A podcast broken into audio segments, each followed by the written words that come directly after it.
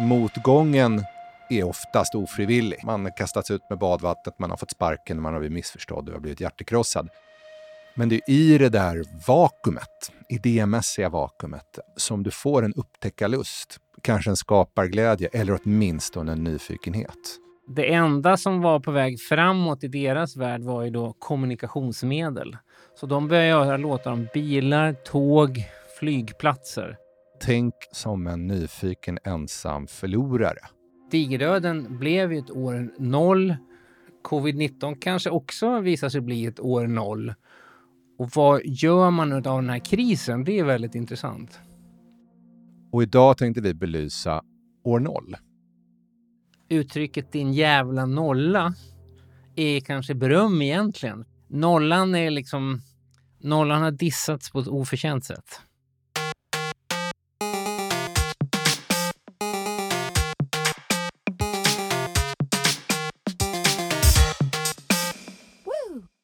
Hej och välkomna till avsnitt två av Gradvall och Magnus. En podd med mig, Magnus Linkvist, futurolog. Och jag heter Jan Gradvall och är journalist.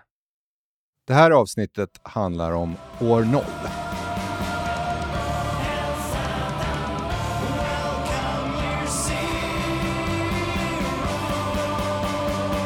Och innan vi kommer till år noll ska vi bara säga igen vad det är vi tycker om och vill försöka belysa med den här podden. Ja, ett underliggande tema är ju på något sätt att inte fastna i gamla tankebanor utan alltid vara beredd att ompröva. Jag tror att det är både vägen till att må bra och det är vägen till att göra relevanta saker. Och då kommer vi återkomma till vissa teman. I förra avsnittet så koncentrerade vi oss på kreativ friktion. Men delvis kommer vi tangera de där sakerna hela tiden, tror jag. Jag tänker på skapelsemyter och skapelsefakta. Vad är myterna om skapande? Vad, vad tror vi att det krävs för att skapa i konst, vetenskaps, litteratur, näringsliv, vad det nu är? Och vad är det faktiskt som krävs? Och du och jag har ägnat ja, tillsammans kanske 50-60 år på att fundera och belysa och se hur, hur kom det här till? Hur skapades det? Och också kanske utmana våra egna fördomar. Man tror att det handlar om ett geni. Nej, det handlade om flera människor som jobbade tillsammans. Och idag tänkte vi belysa år noll. Det är ett väldigt bra och användbart tankesätt att skapa sitt eget år noll, så att säga. Ett exempel på det är då Kraftwerk, liksom tyska syntbandet Kraftwerk som om man tittar på pophistorien så är då efter Beatles så är det nog det band som har influerat hur musiken idag låter mest, verkligen. Och vad som var så unikt med, med Kraftwerk, de två grundarna, Ralf Hütter och Florian Schneider, de var födda 45 och 46.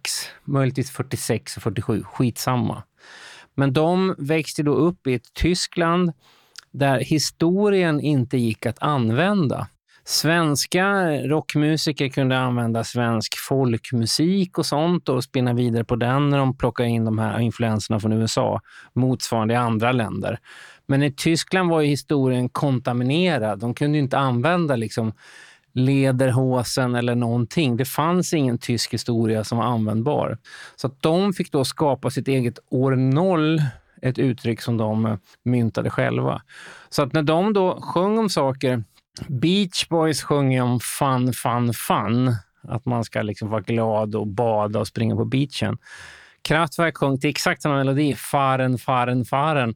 auf der Autobahn. Det enda som var på väg framåt i deras värld var ju då kommunikationsmedel. Så de började göra låtar om bilar, tåg, flygplatser.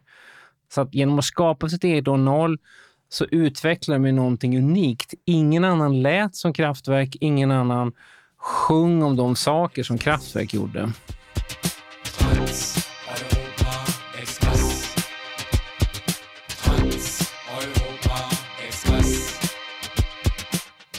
Jag kommer ofta tillbaka till bryggaren Jens Spendrups år 0, där han på mitten av 70-talet tillsammans med sin bror har tagit över pappans konkursfärdiga bryggeri. på något sätt även fått ärva skulderna. Så det är liksom ingenting man bara kan försätta i konkurs och gå vidare, utan det är verkligen som att försöka simma med bojor. Och allt går dåligt och det är bara en fråga om när slutet infinner sig istället för om. Men det som då händer är, i den här vilsenheten så blir han mycket öppnare för omvärlden och intryck. Och i en bastu på en 50-årsfest så lyssnar han in i en konversation om någon som söker ett bryggeri där det tyska företaget Löwenbräu kan börja bryggas på licens i Sverige. Löwenbräu-licensen lägger ju sen grunden för Spendrups framgång. Men hade han varit framgångsrik och lyckad och prisvinnande och beundrad och välciterad där så är sannolikheten att han kanske ens hade gått på den här festen, suttit i småtimmarna i någon bastu eller vad det nu, man kan väl sitta lite var som helst. Och framför allt vara ödmjuk nog att lyssna och också få vara den i rummet som ingen bryr sig om, som bara lyssnar. För det vet vi, framgångsrika människor, de vill man ofta höra vad de har att säga. De har ett väldigt fullsmockat schema.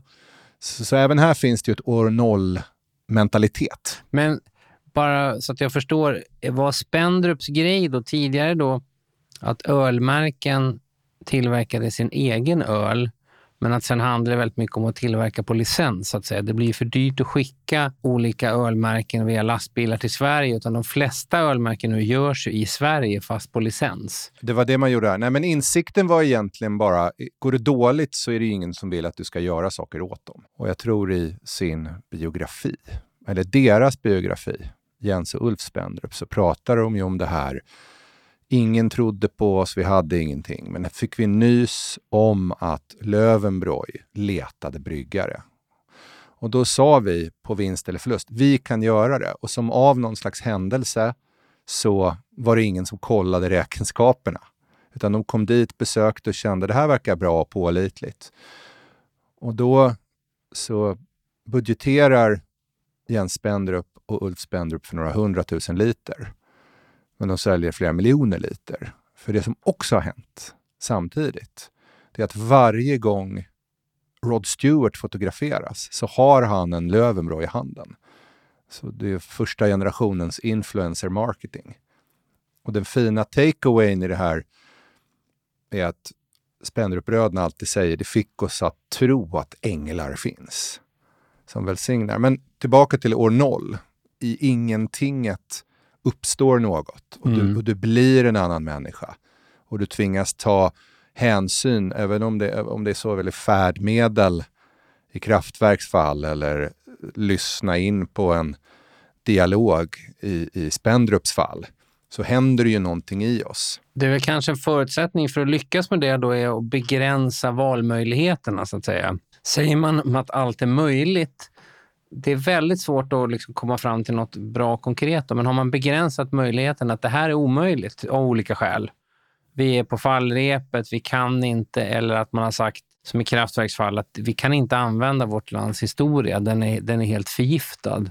Vad av det kan man använda själv när man tänker? Hur, hur kan man skapa sina egna år noll i sin yrkesbana, tycker du? Du skrev en gång att om vi bara går omkring med en massa idéer i huvudet hela tiden, då finns det inte plats för nya idéer.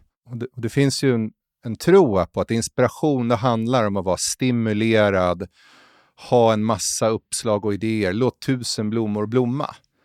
Väldigt sällan rör vi oss mot ingentinget. Egentligen i det. Mm. Polska nobelprisvinnande poeten Wisława Szymborska sa ju de bevingade orden vad en inspiration är, så kommer det från ett kontinuerligt jag vet inte. Det är jättebra. Och vi lever ju i en minst sagt kunskapstörstande och knarkande värld.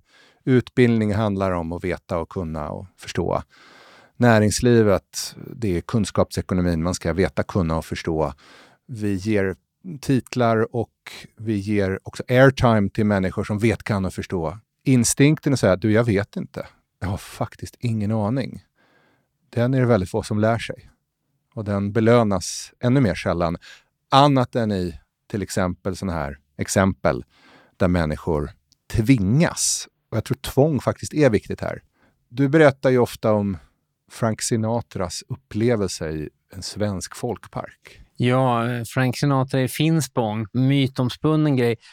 Man får nästan bara backa bandet och förklara. Frank Sinatra var ju alltså på 40-talet, sent 40-tal, var han sin tids Backstreet Boys, One Direction och BTS i en och samma person. Han var liksom teenie-boppen, den som alla tonåringar dyrkade. Sen som nästan alltid sker med de här typen av artisterna så gled det ut för sen. När han inte var liksom yngst och piggast och snyggast längre så dalade intresset för honom. Och då han fortsatte göra musik, men det var färre som var intresserade.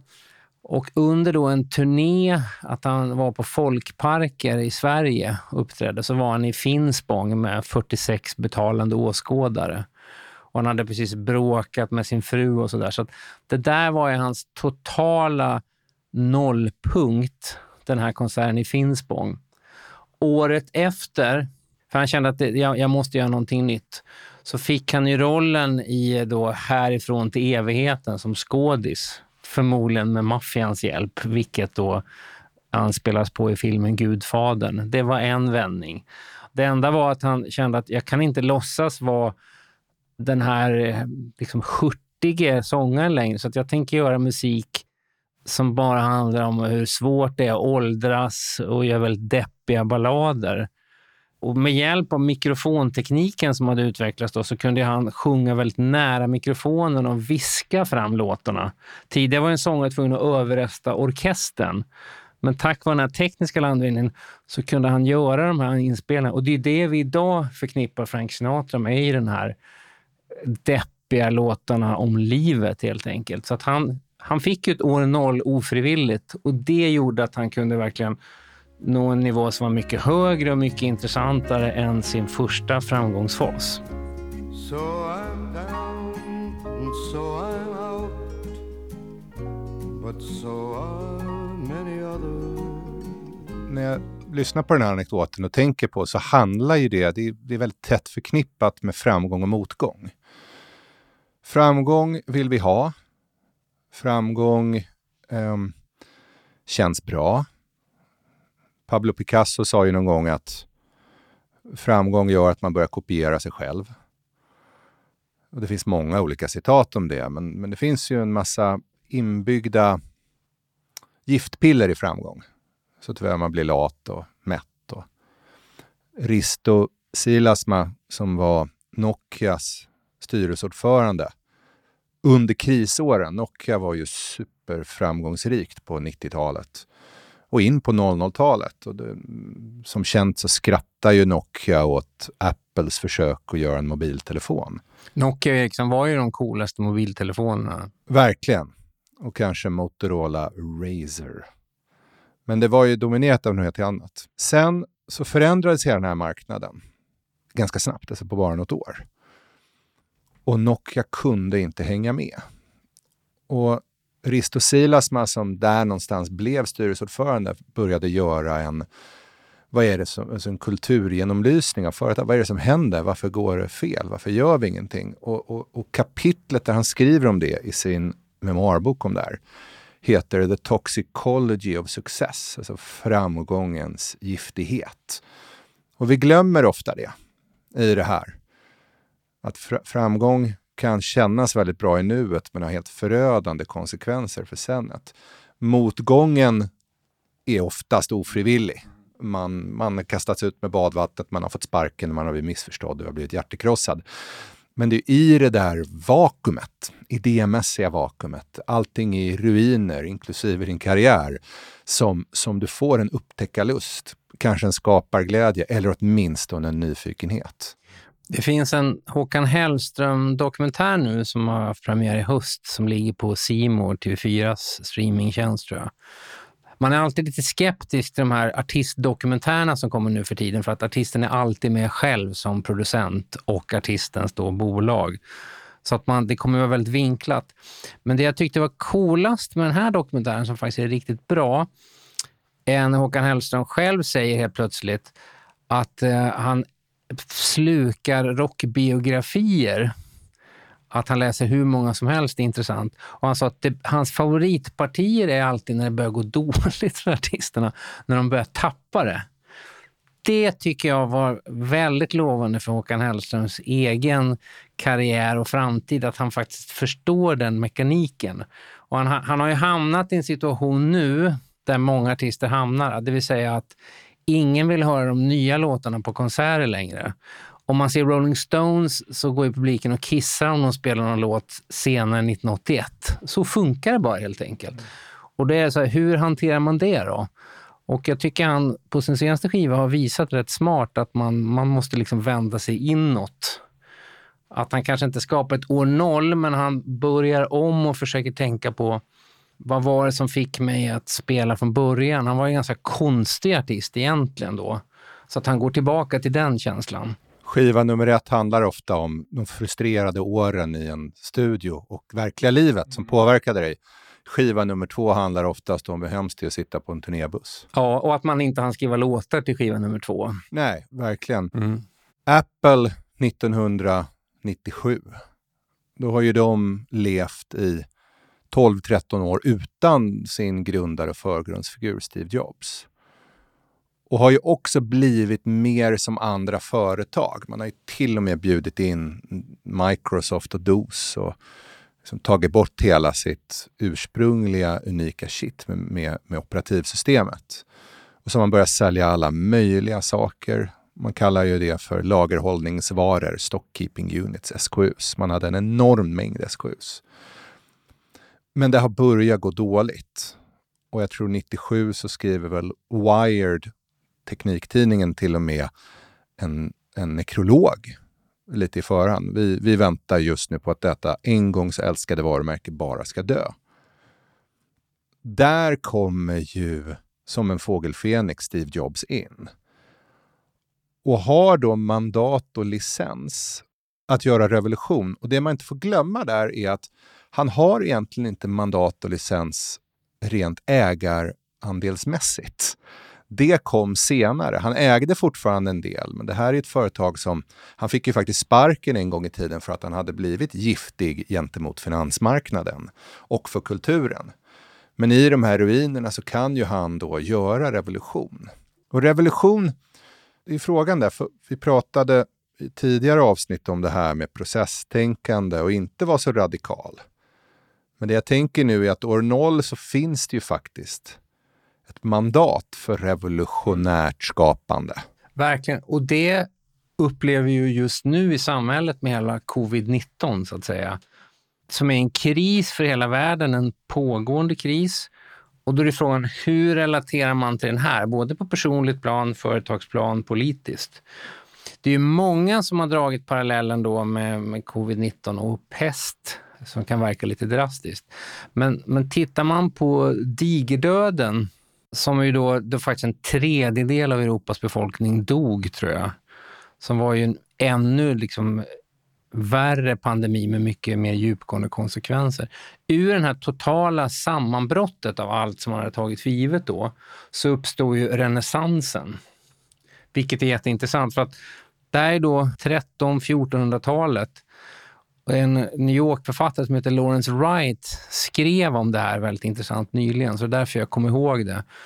Men i Bologna, som är det äldsta universitetet i världen faktiskt, där på något sätt uppstod ett nytänkande. En poet som heter Petrarca hittade då i någon av gångarna i Bolognas bibliotek gamla brev och skrifter av Cicero, som var en romare som levde då 100 år före Kristus.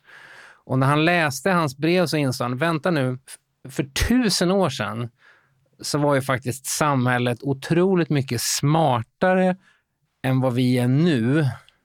Eh, och de gjorde fantastiska konstverk och alltihopa.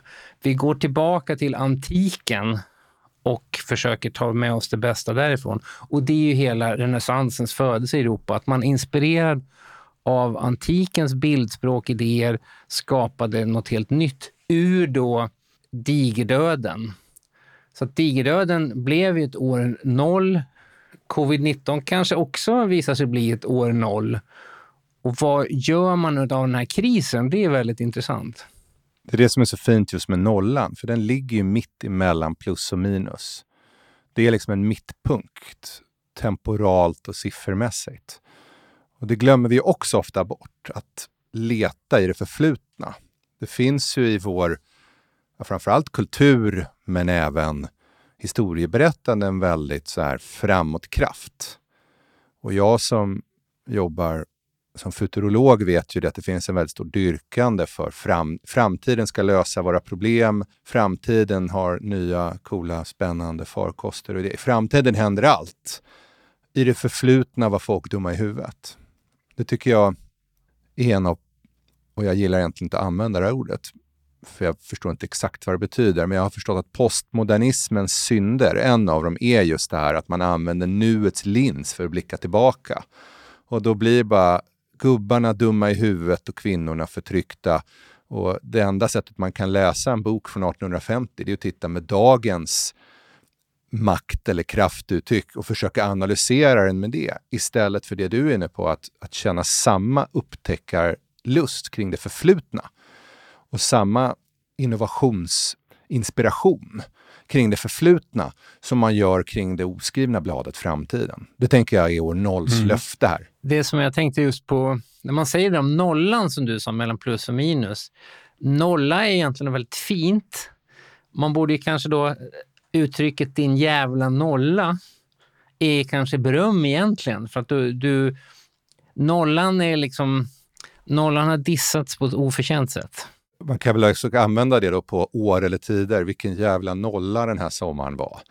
Och det betyder också att här händer det grejer.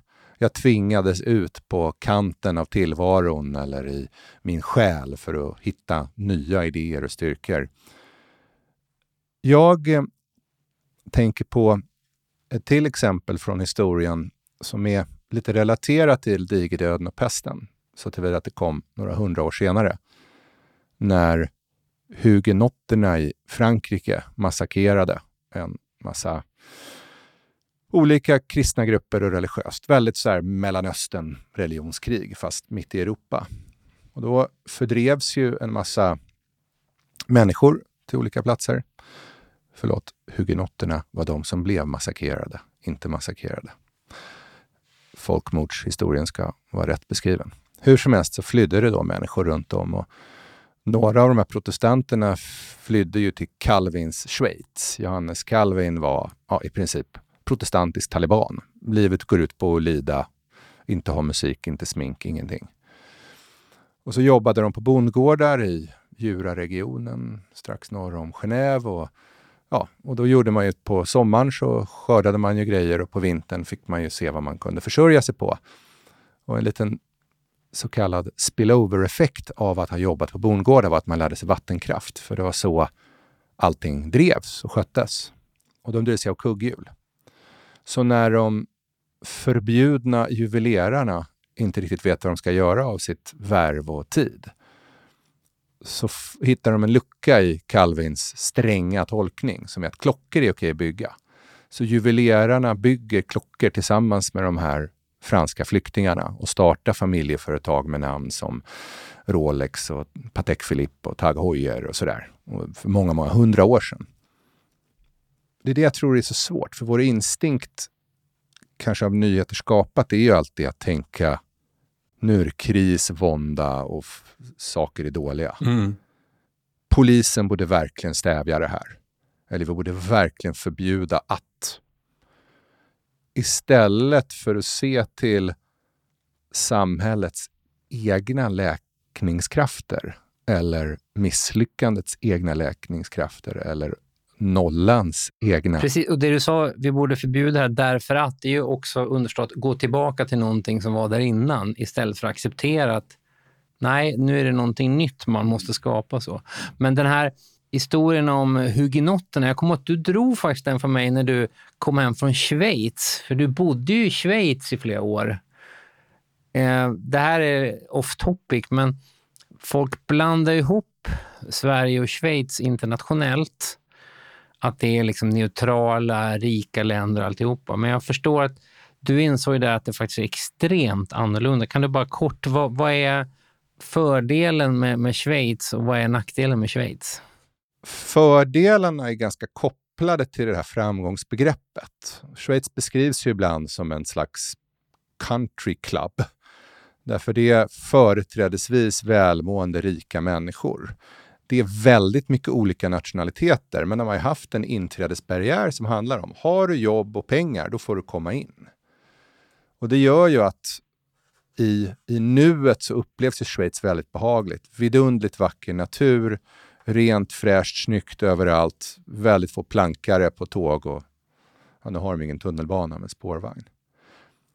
Där det lider, det är ju i den här, vad ska vi säga, ungdomspunkrebellen som är kanske, åtminstone många samhällens skapelsekraft.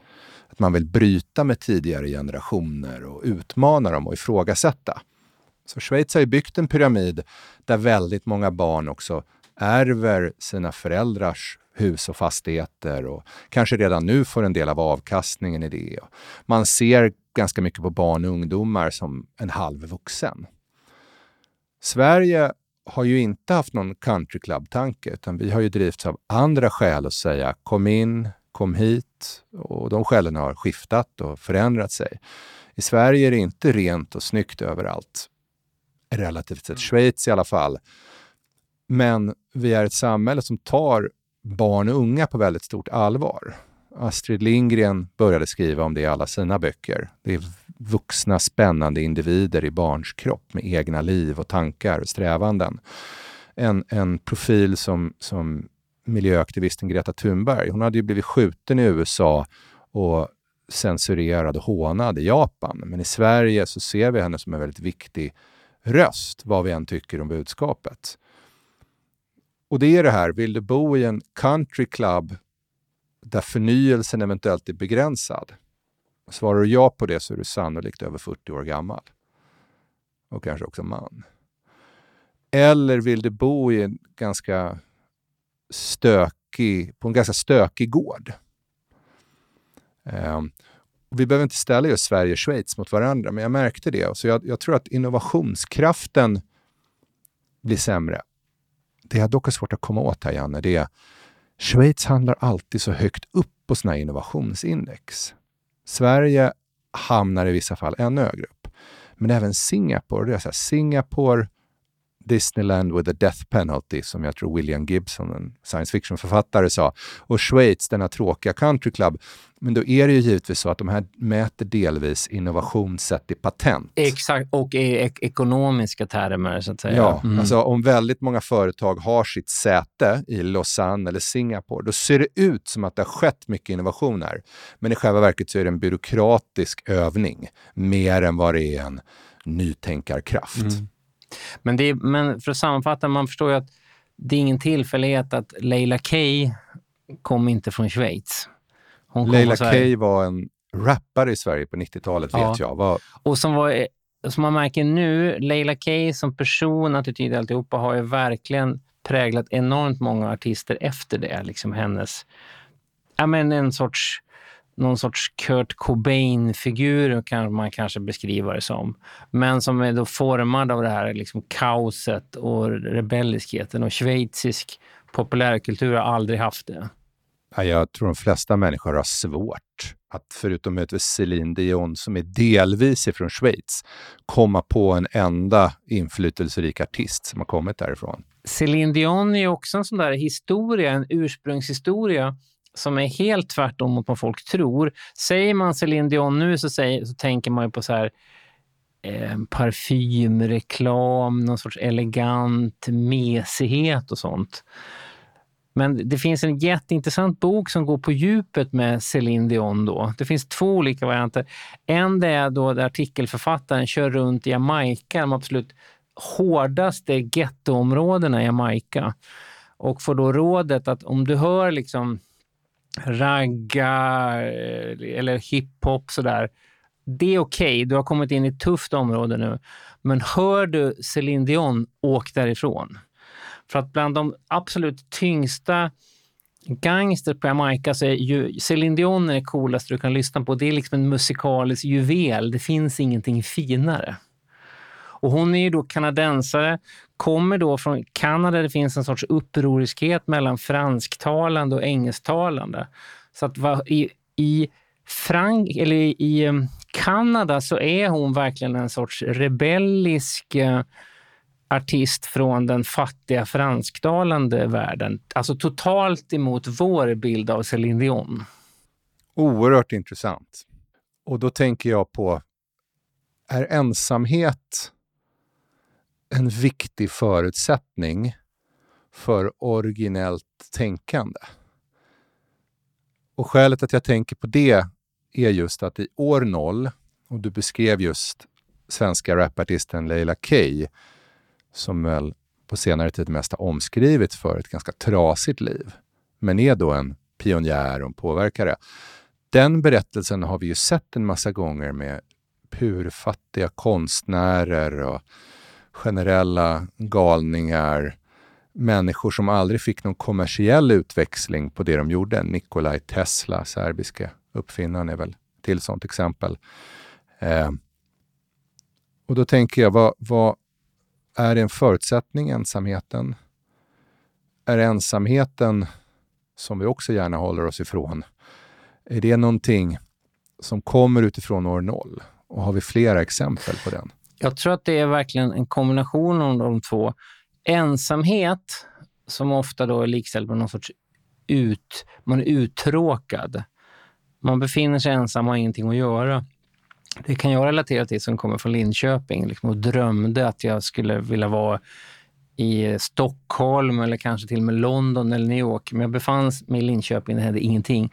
Alltså fick jag uppfinna detta själv, det som skulle hända. Så att jag hade aldrig utvecklat den drivkraften och kreativiteten om jag hade funnit mig mitt i händelsernas centrum. Men sen bygger det på att man hamnar i ett sammanhang där man kan ta nästa steg. Det är ingen tillfällighet att det har blivit som städer som Paris, se förra sekelskiftet, New York på 60-70-talet. Att det kommer många personer som har suttit ensamma hemma hamna på ett ställe där det finns helt plötsligt då fler som vill ta del av det här och har ett utbyte av varandra. Jag vet van Gogh, när han satt på sin bondgård i Holland, han målade bara liksom brunt och potatisar. Förlåt konsthistoriker, jag överdriver extremt mycket nu. Men sen hamnade han i Paris och då inspirerades han av vad konstnärerna gjorde där, vad impressionisterna hade börjat. Det var då han började med starka färger. Så att ja, han var ensam, lärde sig hantverket, men sen hamnade han i ett sammanhang där han kunde ta nästa steg. Så om vi ska försöka summera här nu då. Vad är viktiga beståndsdelar? Hur kan man liksom skapa sitt eget år noll? Nummer ett, kom gärna från tråkig plats. Ja, det, det är en välsignelse.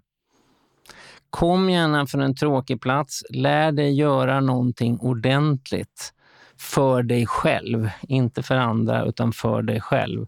Det är en väldigt bra start. Kraftverk som vi började med, de hade ju inte en tanke på att någon annan skulle vara intresserad av den här konstiga musiken de gjorde. Det gjorde den originell. Men sen var de ju så pass duktiga på det de gjorde att de här melodierna de satte så där, gjorde det angeläget för andra. Man måste ha både och, tror jag. Man måste både ha originaliteten och drivkraften se framgång som rundgång. Det var bra. Det var väldigt bra. Som en karusell, att du kanske ska åka något varv till. Men mm. sen, sen, måste du våga dig ut i motståndets utmarker. Mm. Och, och, om du inte själv väljer det... Då kommer andra se till att du åker av. Att ja. du åker av. Var och tänk gärna som en nyfiken ensam förlorare. Även när du vinner. Precis, glöm aldrig bort att du är nolla. Och se noll och nollan i datum, år och personligheter som en förlösande faktor.